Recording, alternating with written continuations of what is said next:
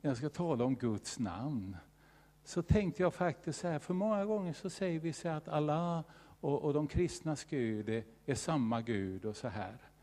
Och därför så har jag helt enkelt tittat lite på vad säger eh, islam och vad säger man om Allah.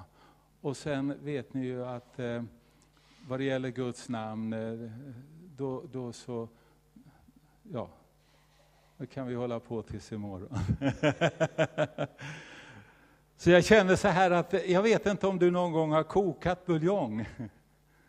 Då slänger man i köttbitar och, så, och sen kokar man och kokar och kokar och kokar och sen så tar man bort köttet och så kokar man och kokar ända tills man får det där väldigt, väldigt koncentrerade. Va? Så jag känner att nu, nu ska jag koka buljong. nu ska jag koka buljong. Och det är ju så här att vi har ju, alltså det finns ju tre så kallade monoteistiska religioner. Det, det är eh, islam och det det är kristendomen och det är judendomen, där vi talar om en Gud. Samtidigt som det kör ihop sig lite, för islam tror ju att vi talar om tre gudar. Nu har jag bett eh, familjen Henriksson att komma hit. Här har vi pappa och mamma och Emil.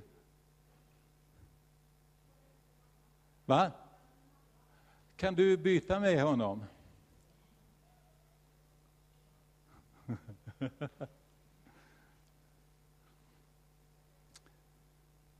Eh, medan, med, medan, medan, vi, vi, medan vi väntar på Emil så ska jag bara läsa vad det står i... Det finns ju presentation om, om Guds egen, om Allahs egenskaper och så här. Och eh, bland annat så, så står det ju så här i Koranen, säg han, Allah, är en. Allah, den självtillräcklige. Han föder ej, och ej blev han född, och ingen är hans like. Och då står det så här, den här suran ur Koranen beskriver Allah, att Allah är en och att det inte finns någon annan Gud än Allah. Att han inte behöver någon, inte är beroende av någon, utan att det är vi som är beroende av honom. Att han inte föder någon och inte har någon avkomma att han inte blev född eftersom han är född. Eh, en som är född kommer att dö och Allah kan inte dö eftersom han är evig. Och att han inte eh, är någon son eftersom han inte har några föräldrar. Han har, eh, han har heller ingen fru. Eftersom Allah inte har någon fru så kan han inte få barn. Att det inte finns någon som han eller lik honom, hans storlek, och har, som har den kunskapen eller klokheten som han har. Allah säger själv att han inte föder eller är född och att det inte finns någon som är lik han själv. Han är den som ensam skapat himlarna och jorden och han ensam äger allt vi kan se och allt vi inte kan se. Och han äger och styr hela universum. Allah skapade oss människor och ginner. Och då undrar jag, vad är vad ginner? Ja, och då tittar vi på vad ginner är då. Gin är det arabiska verbet, eh, är av det arabiska verbet janna, att dölja, skyna. Det är av Gud skapade ökenandar bestående av en rökfri eldsflamma. Simon, Koranen 55.15, det visas eh, det vistas i en andevärld och spelar en viktig roll i den muslimska religionen. Ordet jin eller jin är kollektiv, plural på arabiska, medan ordet jinni eller jinni är singular. Bara för att vi ska dyrka honom, alltså Allah. Vi måste tro på att Allah vet vad som är bäst för oss, hur vi ska leva, hur vi ska dyrka honom. Vi ska endast söka hjälp från Allah, för det är bara Allah som kan hjälpa oss. Allting som händer eh, sker bara om Allah vill. Allting som vi får kommer från Allah. När vi ska slakta ett djur så ska vi slakta det i Allahs namn. Och när vi svär en ed så ska vi göra det i Allahs namn. Vi ska göra allting för Allahs skull för han ensam förtjänar all vår dyrkan. Allah är en och den enda guden. Och sen står det ett utdrag ur Koranen som jag reagerade på. Där står det så här. Vi har, visst, vi har helt visst skapat himlarna och jorden och allt som finns däremellan under sex dagar och detta tröttade oss inte.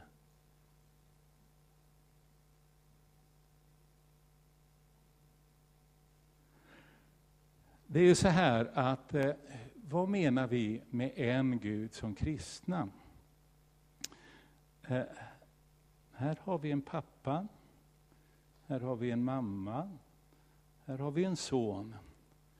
Är det här en familj eller är det tre familjer? Är det en familj eller tre familjer? Är ni helt säkra på det? Ja, ja, Emil har en egen familj, men i den här konstellationen, är det en familj eller är det tre familjer? Det är en familj. Är ni helt säkra på det? Ja. Så i en familj så kan det finnas fader, det kan finnas son och det kan finnas en livgivare eller hjälpare i en familj.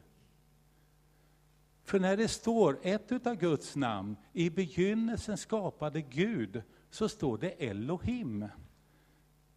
Och Elohim, det är pluralformen av, av, av Gud. Det är inte en Gud, det står inte gudarna, utan det står Gud. Så om, om vi ska använda det här namnet Gud på, på den här konstellationen, så får, måste man faktiskt säga att i begynnelsen skapade Henriksson.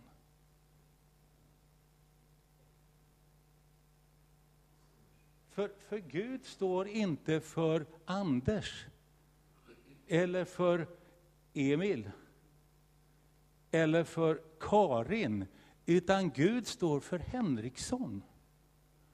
Och då blir det här vad vi kallar för treenigheten, det här mysteriet, det blir inte alls så krångligt. Det är därför vi har mycket krig på familjen, eftersom familjen är en sån väldigt enkel bild på vad Gud egentligen är. Amen. Tack Henriksson.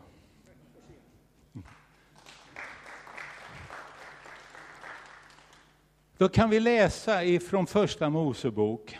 Då står det så här, i begynnelsen skapade Gud, alltså Elohim, himmel och jord. Jorden var öde och tom och mörker var över jorden och Guds ande svävade över vattnet. Gud sa, låt oss göra människor till vår avbild, till att vara lika oss. De ska råda över fiskarna i havet, över fåglarna under himlen, över boskapsdjuren över hela jorden och över alla kräldjur som rör sig på jorden. Och Gud skapade människan till sin avbild. Till Guds avbild skapade han henne, till man och kvinna skapade han dem. Och redan här krockar det lite vad det gäller undervisning om Allah, som inte har någon like eller har inget alltså. Här gör Gud människan till sin avbild. Är det rätt eller fel? Det, det, det av, låter jag dig avgöra. Jag bara läser det som står. På ett annat ställe i Kolosserbrevet så står det, och då står det om sonen då, han har frälst oss, alltså Fadern, han har frälst oss från mörkrets välde och fört oss in i sin älskade Sons rike. I honom är vi friköpta och har förlåtelse för våra synder. Han är den osynlige Gudens avbild. Förstfödd före allt skapat. För i honom skapades allt i himlen och på jorden synligt och osynligt, tronförstar och herradömen, härskare och makter. Allt är skapat genom honom och till honom. Han är till för allt och allt hålls samman genom honom. Och då talas det om Jesus. I samma Gud samma familj.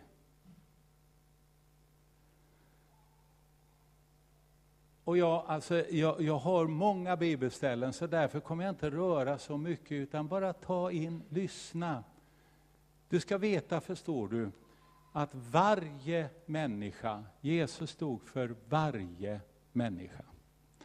Gud älskar varje människa.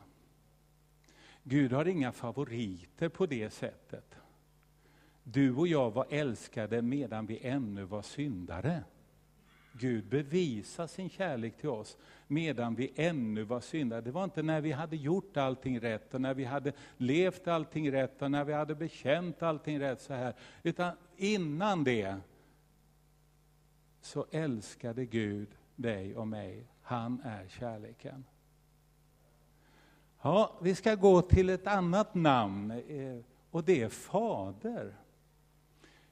Eh, vi kan börja och se vad det står i den här eh, eh ska man säga, grundsatserna av, av eh, den islamska tron. Där står det så här att han, Allah, inte föder någon och inte har någon avkomma. Att han inte blev född eftersom han, en som är född kommer att dö. Och Allah kan inte dö eftersom han är evig. Och att han inte är någon son eftersom han inte har några föräldrar. Han har heller ingen fru. Eftersom Allah inte har någon fru så kan han inte få barn. Att det inte finns någon som han eller lik honom. Hans storhet som har den kunskapen eh, och klokheten som han har.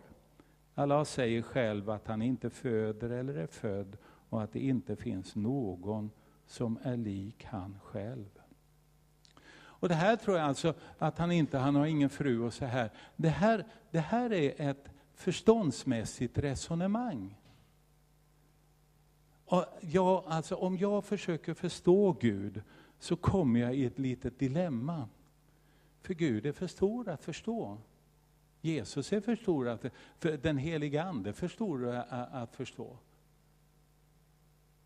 Men när då Jesus kommer och presenterar Gud för människorna i världen, det enda namn som Jesus egentligen presenterar på Gud, det är Fader. Det är Fader. Och det är rätt så intressant.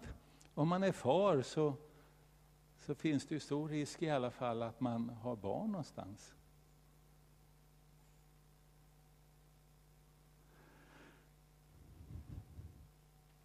I Johannes 3 och 16 till 18 står det, så älskade Gud världen att han utgav sin enfödde son. För att var och en som tror på honom inte ska gå förlorad utan ha evigt liv. Gud har inte sänt sin son till världen för att döma världen utan för att världen ska bli frälst genom honom. Den som tror på honom blir inte dömd, men den som inte tror är redan dömd eftersom han inte tror på Guds enfödde Sons namn. I Johannes 3, 12 och 13.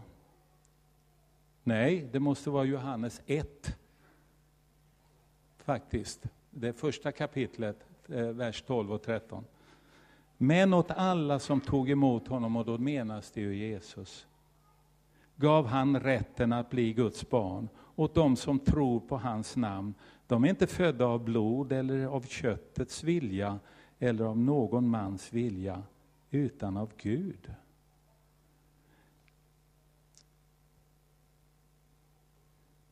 Eh, I Johannes 1, det är fel, det ska vara 1, 1 och 14. Det står fel där. 1 och 14 så står det, och ordet blev kött och bodde ibland oss och vi såg hans härlighet, den härlighet som den enfödde har från Fadern. Och han var full av nåd och sanning. Så när Jesus kommer och, och presenterar Fadern och man ser vad som finns hos Fadern så är det nåd och sanning. Och nåd kan bara den få som är bevisligen skyldig. I Johannes 1 och 18, fattar inte var jag fick den där trean ifrån. Där står det så här, ingen har någonsin sett Gud. Den enfödde som själv är Gud och i Faderns famn, han har gjort honom känd. Och Johannes 17, när Jesus då ber den så kallade översteprästerliga förbönen, alltså han ber, han ber för lärjungarna, han ber för dem som kommer till tro genom oss. Alltså eh, han, han ber inte bara för dem, utan han ber för oss också. Så säger han så här bland annat när han då talar till Fadern.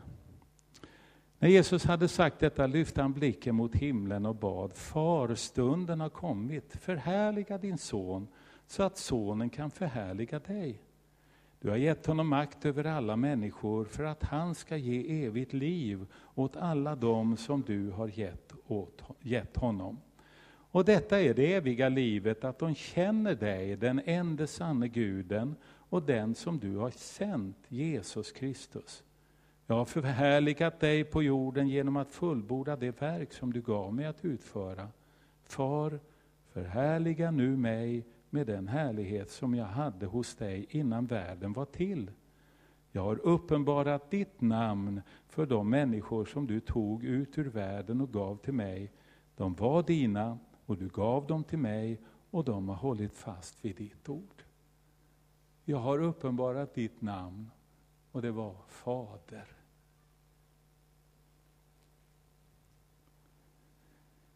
Nästa namn som jag tänkte röra vid, det är ju att, att, att det talar om Abraham, Isak och Jakobs Gud.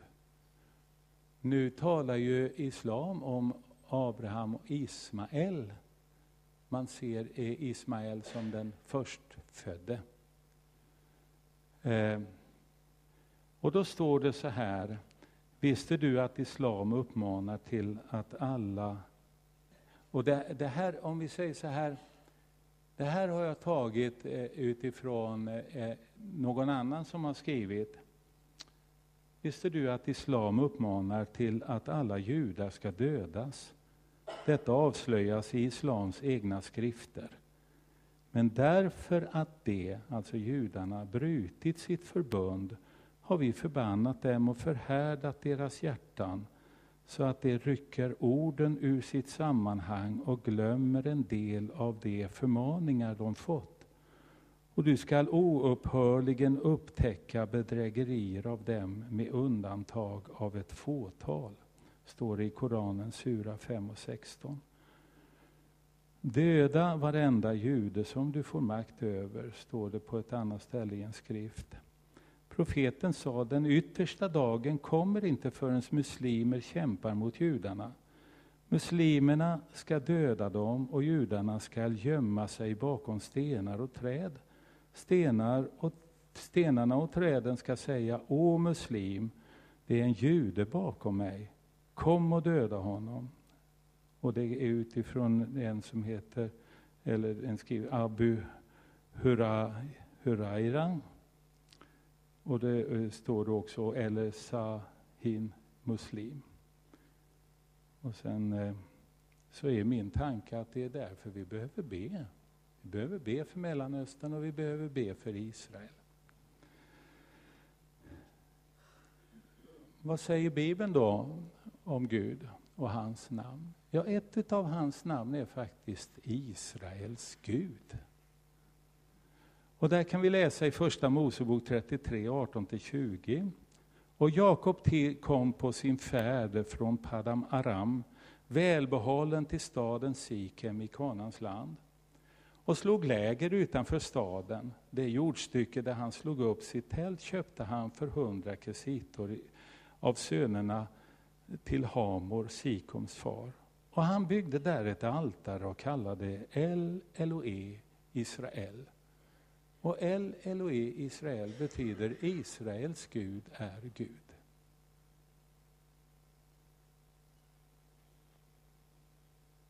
I Andra Mosebok står det i 3 och 16 när då Mose står och talar med den där brinnande busken.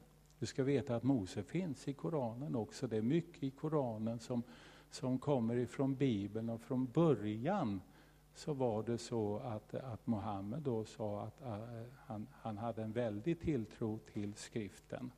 Sen är det ju så här med islam också att allt eftersom det kommer nya uppenbarelser så, så läggs det över det som har varit och då gäller det nya, inte det gamla längre. I Andra Mosebok 3.16 så säger Gud så här när han presenterar sig för Mose. Jag är din faders Gud, Abrahams Gud, Isaks Gud och Jakobs Gud. Då dolde Mose ansiktet ty han bävade för att se på Gud. Och sen är det ett stort, långt bibelställe där, där jag kan se jag vet inte, så här, när, när, när, vi läser Bibeln så är det viktigt att vi förstår att Bibeln är skriven eh, på hebreiska och det är med ett hebreiskt tänkesätt. Och det hebreiska tänket, eh, ett grekiskt tänkesätt som vi, som vi har med oss mycket i vår tradition att tänka, då är det antingen eller. Antingen är det det, eller så är det det. Men det hebreiska tankesättet, det säger så här, det kan vara det, men det kan också vara det. Och så kan det vara det. Och det kan faktiskt vara det där borta också. Allt eftersom åren, det är därför Salomo säger att det finns inget som är nytt under solen. Det som har varit, det, det, det, det som är, det har varit. Och det kommer och så här. Utifrån att Guds ord har, alltså fortsätter att uppfyllas i ett mer och vidare perspektiv, ett djupare perspektiv. Och i Jeremia 31 så står det så här, nu ska vi läsa mycket. På den tiden säger Herren, jag ska själv vara Gud för alla Israels släkten, och de ska vara mitt folk. Fjärran ifrån uppenbarar sig Herren för mig, med evig kärlek har jag älskat dig, därför låter jag min nåd förbli över dig. Än en gång ska jag upprätta dig så att du blir upprättad, du jungfru Israel. Och jag, eh, när vi läser det här, vanligtvis så tar vi de här bibelställena och vi har gjort det till våra. Och det har fungerat för oss. Men när Gud sa det här så sa han det först och främst till Israel. Att vi, att vi förstår, det här är hans hjärta för dem. Um, än en gång ska du ta din tamburin och dra ut i dans bland dem som är glada. Än en gång ska du plantera vingårdar på Samariens berg. Och det som planteras eh, ska, jag ska själva njuta av frukten. Så jag ska föra dem från landet i norr och samla dem från jordens yttersta hörn. Bland dem blinda och halta, både havande kvinnor och barnaföderskor. I en stor skara ska de komma hit till, tillbaka hit. Gråtande ska de komma, men jag ska leda dem där de går bedjande fram. Jag ska föra dem till vattenbäckar på en jämn väg, där de inte ska stappla, ty jag är en fader för Israel. Och Efraim är min förstfödde son.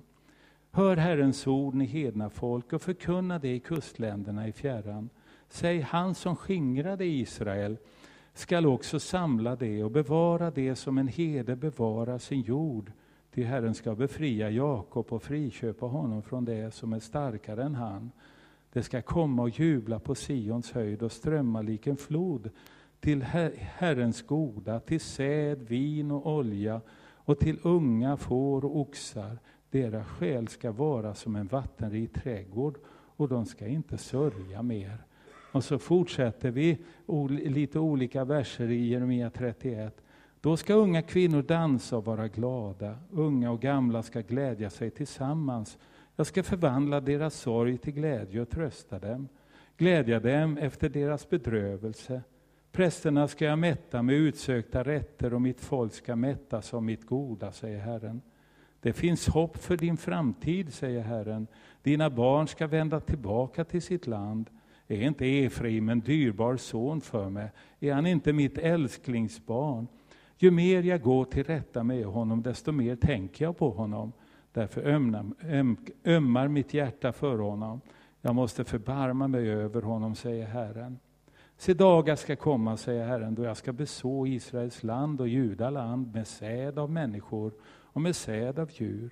Så säger Herren, han som har satt solen till att lysa om dagen och månen och stjärnorna till att lysa om natten i ordnad gång som rör upp havet så att dess böljor brusar. Herren Sebot i hans namn. Om denna ordning inte längre består inför mig, säger Herren, först då ska Israels släkte upphöra att vara ett folk inför mig för alltid. Så länge solen, månen, stjärnorna finns så ska det här släktet vara ett släkte inför, folk, eh, inför Gud, inför Israels Gud. Och då, eh, Lena hon hade skrivit det, men jag, måste, jag har sagt så här. Om Gud säger att man ska utrota judarna för att den yttersta dagen ska kunna komma, och samtidigt säger att han ska föra dem tillbaka till sitt land och upprätta dem enligt sitt förbund med dem för alltid, då är han antingen totalt förvirrad, eller så är det inte samma Gud vi talar om. Nästa, nästa sak jag tänker röra vid, orkar du lyssna eller? Ja. Det här är ju det här är ju inte så mycket predikan, utan det är väldigt mycket att vi läser Guds ord, en undervisning. Där jag måste säga att faktiskt, eh, jag är väldigt glad att jag fick det här uppdraget, för jag har inte suttit mig ner och lyssnat och läst. Och vet du vad jag har önskat? Jag har önskat att jag ska få tag på en koran. Jag vet det är någon annan som kanske också vill ha Koranen i julklapp. Varför då? Va? Jo, bara därför. Det är så lätt att säga men det här är fel. och det, det. Nej, det här är människor, de, är, de längtar efter Gud och de, de vill rätt. Men frågan är om, om, om de når dit vad de egentligen längtar efter att nå. Jag, jag, bara, jag bara ställer frågan. Jag säger inte jag är rätt och du är fel. Utan jag låter bara skriften och Koranen få tala. En sak som finns hos Gud, det är ju det här med försoning. Med försoning. Koranen förnekar även Jesu korsfästelse och död. Den överväldigande majoriteten av auktoriserade korantolkare lär att Jesus Kristus aldrig dött. Man lär istället att en annan person förvandlades av Gud till att se ut som Jesus. Man arresterade och korsfäste därmed fel person. Gud sa redan före, korsfäste, före korsfästelsen tag, tagit upp den Gud hade redan före korsfästelsen tagit upp den riktige Jesus till himlen. Problemet från en kristen perspektiv är ju att om man förnekar Jesu gudom och hans död och därmed hela försoningen, så finns det inget evangelium kvar. Eftersom Mohammed därmed tagit bort hela försoningen i Jesus Kristus, är Jesus ingen frälsare i islam. Ingen medlare mellan Gud och människan. Han har absolut inte dött och uppstått för människans synd. Problemet från ett kristet perspektiv är ju att om man förnekar Jesu gudom och hans död och därmed hela försoningen så finns det inget evangelium kvar. Då ska vi titta lite på ett annat namn och det är ju Jesus, Guds lamm. Ett av namnen som vi hittar. Det står det så här i Johannes 1 och 29. Nästa dag såg han, och det var Johannes döparen, Jesus komma och han sa, se Guds lam som tar bort världens synd. I andra Korinthierbrevet så står det så här. Kristi kärlek driver oss, för vi är övertygade om att en har dött för alla och därför har alla dött. Han dog för alla för att de som lever inte längre ska leva för sig själva utan för honom som har dött och uppstått för dem. Om någon är i Kristus är han alltså en ny skapelse. Det gamla är förbi. Något nytt har kommit och allt kommer från Gud som har försonat oss med sig själv genom Kristus och gett oss försoningens tjänst. Gud var i Kristus och försonade världen med sig själv. Han tillräknade inte människorna deras överträdelser och han har anförtrott oss försoningens ord. Vi är alltså sändebud för Kristus och Gud vädjar genom oss. Vi ber på Kristi uppdrag, låt försona er med Gud. Han som inte visste av synd, honom gjorde Gud till synd i vårt ställe för att vi och honom skulle bli rättfärdiga inför Gud. Jag har skrivit så här, inte nog med att Gud har försonat världen med sig själv. Han sänder ut oss som representanter för hans rike i försoningens tjänst med budskapet Låt försona er med Gud, även till muslimvärlden. Att komma som en försonare. Komma med Guds kärlek. Jag tror att det är väldigt viktigt att vi inte går och är rädda för varandra. Det finns så många människor inom den muslimska tron som har en mycket ärlig längtan efter Gud. Och du ska veta att Jesus, han besöker väldigt många muslimer. Och när Jesus besöker dem så blir det en förändring. Imamens närmsta man i moskén i Ufa fick besök av Jesus en natt. Idag är han ute och predikar evangelium genom drama. Varför då? Jo, jag tror att man längtar efter, man längtar efter Gud. Man vill, ha, man vill rätt, eftersom varje människa har en längtan i sitt liv efter Gud. Och sen är det ju så att tro kommer av hörande, det jag hör, det tror jag.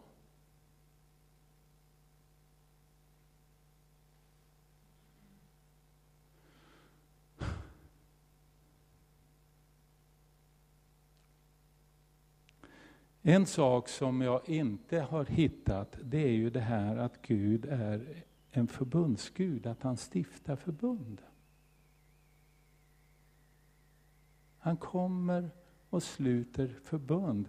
Förbund är ju väldigt intressant. Jag står i förbund med Lena. Kom här. Kom, lilla gumman. Och när vi slöt vårt äktenskapsförbund, utan att vi kanske förstod det, så sa vi, precis som Gud egentligen säger till oss när han sluter förbund. Då sa jag så här till Lena, mitt liv är ditt liv. Min kraft är din kraft. Mina ägodelar är dina ägodelar. Mina vapen är dina vapen. Ja. Det var ju inte bara att jag sa det till Lena, utan i det här förbundet så säger hon ju precis samma sak till mig.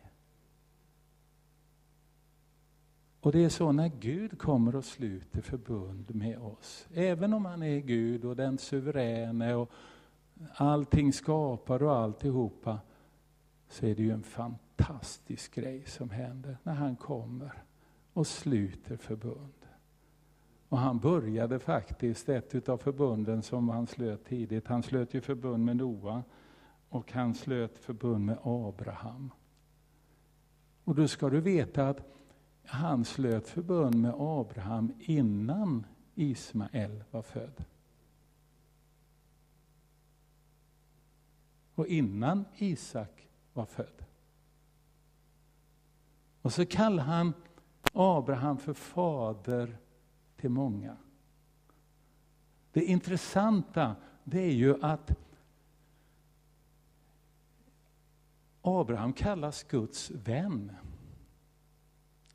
Och det är inte bara så här att det var Guds kompis, utan han var faktiskt en förbundsvän med, med Gud. Så när Gud kommer och hör ropet ifrån Sodom och Gomorra, och där han bara upplever att det här kan, jag måste ta reda på om det är så illa som det egentligen låter. Och så hör han det här ropet och då säger han så här, kan jag dölja för Abraham vad jag måste göra? Och så säger han, ropet från Sodom och Gomorra har stigit upp, för mig, upp inför mig och jag måste förstöra de här städerna. Och då står det om Abraham att han gick närmare Gud. Han sprang inte ifrån Gud och tänkte, jaha, är du på det humöret? Jag kommer tillbaka när du är på bättre humör. Men så här vill jag, det här, nu är du läskig alltså. Nu är, du, det, nej, nu är det ruggigt. Nej, han steg närmare. Och så börjar han att samtala med Gud. Och så börjar han påminna Gud hurdan Gud är. För han säger så här, ja men nu är ju du Gud så här att om det finns 50 rättfärdiga i Sodom och Gomorra, så är ju du så här att du faktiskt sparar hela staden för de 50 rättfärdiga. Sodom och Gomorra hade ungefär 10 000 invånare, tror man. Och Gud säger, ja. Och då säger Abraham, ja, nu är det så här förstår du, att om det nu råkar fattas fem på de där 50, så är ju inte du så här att du förstör hela staden bara därför att det råkar fattas fem. Och Gud säger, nej, det är jag ju inte. Och då säger Abraham 40. Och Gud säger 40. Abraham han säger 30. Gud säger 30. Abraham säger 20. Gud säger 20. Och så säger Abraham, ja, nu har vi pratat ett tag, men jag är inte riktigt, riktigt färdig. Han säger, tänk om det finns tio rättfärdiga. Inte är du sån att du förstör de här städerna när det finns tio rättfärdiga där. Och Gud säger tio.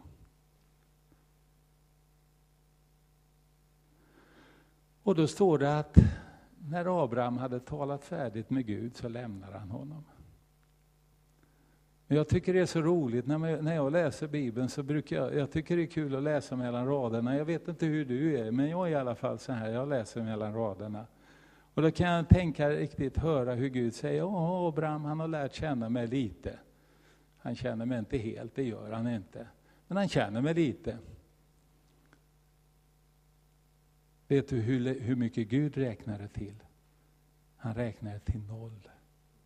För det var nämligen så att de här änglarna som hade skickats till Sodom och Gomorra, Gud sa till, genom dem att till Lot och hans familj att ni måste dra härifrån. För så länge ni är här så kan ni inte göra det jag måste göra. Och inte ens Lots döttrar, de männen som de, de eh, hade, de ville följa med, de tyckte de var lite så här.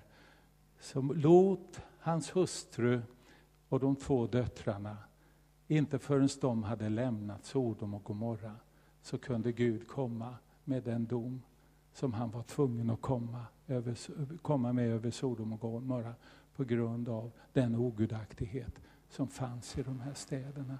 Så Gud räknade med noll. Det här är Guds hjärta. Det här är Guds hjärta. Eh, jag ska inte ta så mycket av de bibelställena, för jag har e, e, ett namn kvar som jag tänkte, jag ser ju att tiden den springer. Eh, vi ska gå till namnet Frälsaren Jesus, eller Jeshua som betyder Gud är frälsning. Då ska vi läsa först vad det gäller frälsning. Islam lär att människan blir frälst genom sin tro och sina goda gärningar. Eftersom Koranen förnekar Jesu död och försoning finns inte heller frälsning i Jesus Kristus. Islam lär att människan blir frälst genom sin tro och sina goda gärningar. Man tror att två änglar som sitter på vardera axeln följer varje människa. Den som sitter på den vänstra axeln skriver ner alla våra dåliga gärningar, medan den goda, de goda gärningarna skrivs ner av den högra ängeln. Det står det i Koranen 50, 17, 16 och 54, 52, 53. På domens dag som kallas Jom al-Hisab, det vill säga räkenskapens dag, rapporterar de två änglarna om allt som människan gjort. De goda gärningarna läggs i den högra vågskålen och de onda i den vänstra. Beroende på hur vågen slår kommer så människan till paradiset eller helvetet.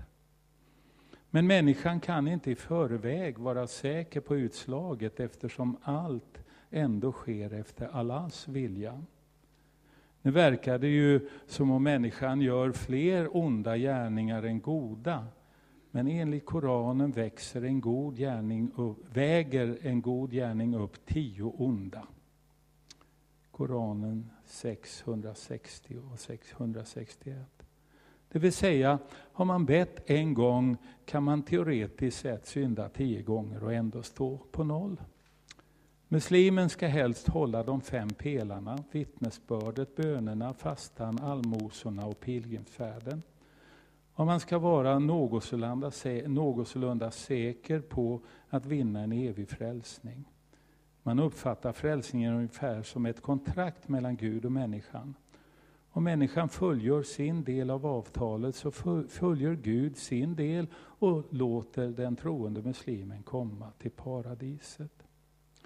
Enligt Koranen finns bara ett säkert sätt att få komma till paradiset och det är att dö i jihad, det heliga kriget. Den goda gärningen, att man dödas för Guds sak, är värd mer än andra, alla andra goda gärningar tillsammans. Det står i Koranen 3, 157, 158, 151, 152.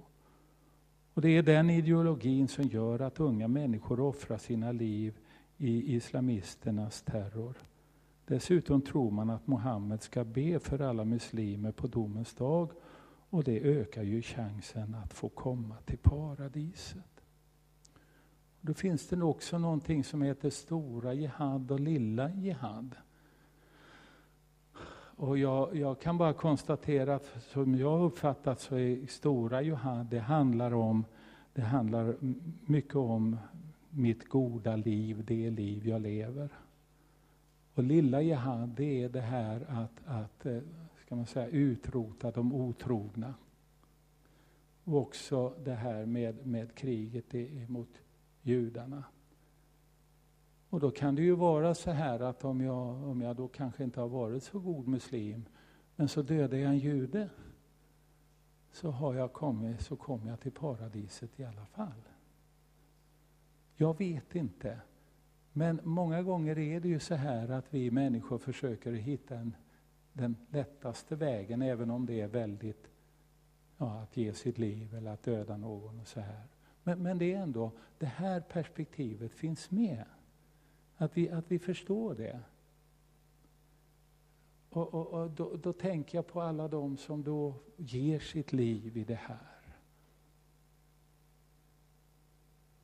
Och så kallar Jesus sig för livets första.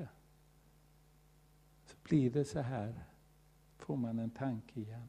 I Apostlagärningarna 4 och 12 så står det, hos ingen annan finns frälsningen och under himlen finns inget annat namn som människor fått genom vilket vi blir frälsta. I Efesierbrevet 2, 4, 2, 4-10. Men Gud som är rik på barmhärtighet har älskat oss med så stor kärlek, även när vi ännu var döda genom våra överträdelser, att han gjort oss levande med Kristus. Av nåden i frälsta. Han har uppväckt oss med honom och satt oss med honom i den himmelska världen i Kristus Jesus för att i kommande tider visa sin överväldigande rika nåd genom godhet mot oss i Kristus Jesus. Av nåden är ni frälsta genom tron, inte av er själva. Genom Guds gåva är det, inte på grund av gärningar för att ingen ska berömma sig. Hans verk är vi, skapade i Kristus Jesus till goda gärningar som Gud har förberett för att vi ska vandra i dem. Skapade till goda gärningar. Lagen gör synden levande. Det är ju så. Här, här blev det ju en konflikt också mellan Jesus och judarna som följde lagen. Man hade sina stadgar. Och många gånger är det så att det är ju faktiskt lättare att följa lagen än att låta Guds ande få herravälde över mitt liv som leder mig varje dag.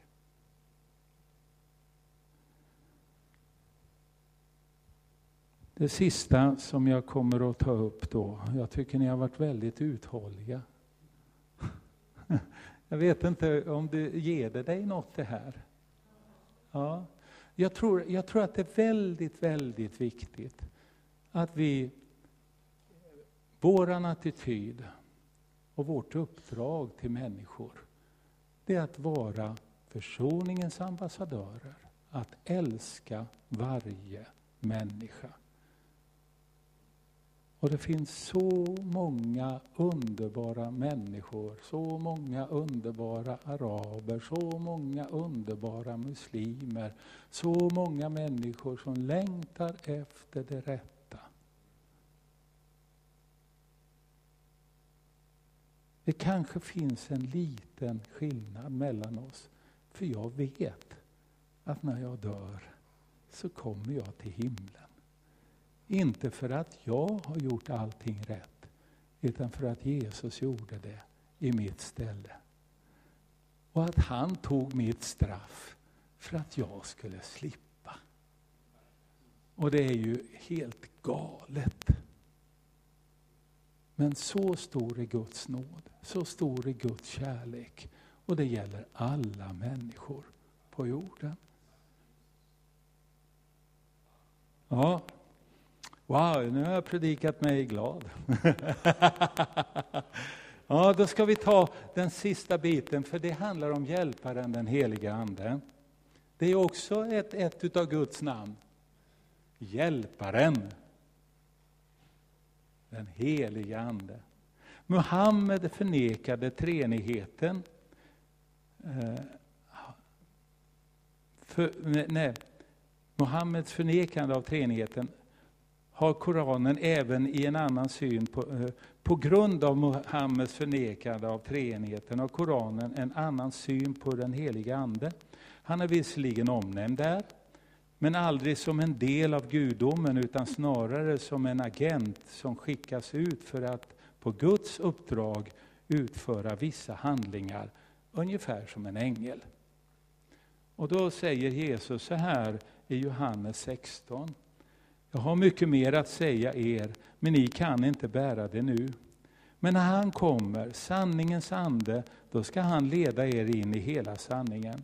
Han ska inte tala av sig själv, utan bara tala det han hör, och han ska förkunna för er vad som kommer att ske. Han ska förhärliga mig, för han ska ta av det som är mitt och förkunna för er.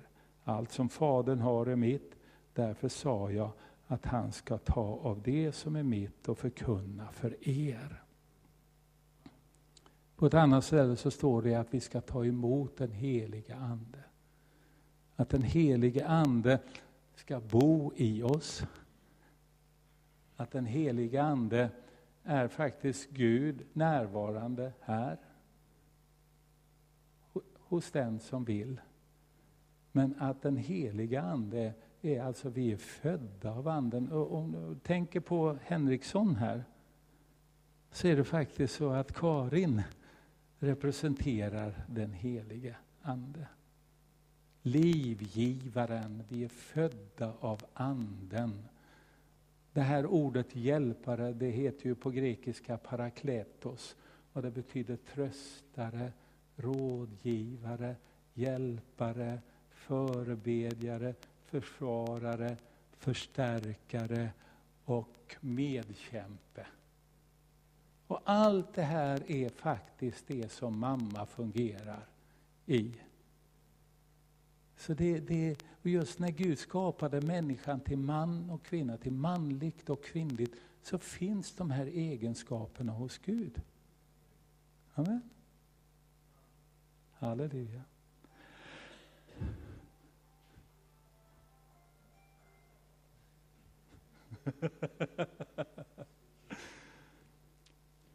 Och sen har jag avslut, jag avslutar det här på det här sättet och sen ska jag sjunga en sång till.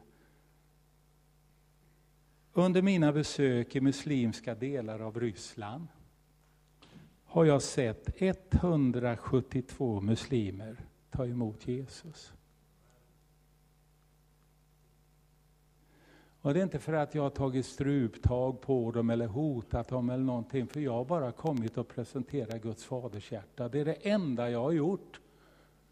Och det är rätt så intressant hur den här muslimska kvinnan, efter det att hon har gått fram och mött Jesus som har förvandlat hennes liv, så säger hon så här, jag vet inte vad som hände, jag gick bara fram.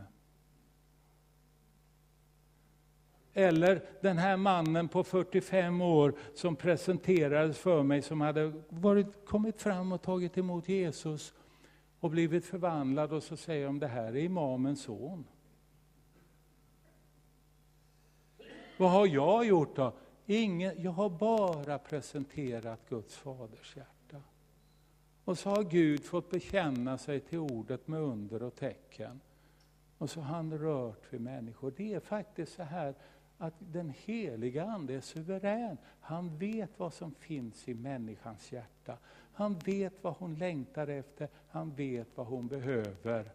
Och du och jag behöver inte tvinga det här på någon, utan om du och jag som Guds rikes ambassadörer öppnar upp vårt hjärta och ställer oss till förfogande för honom, så sköter Gud det.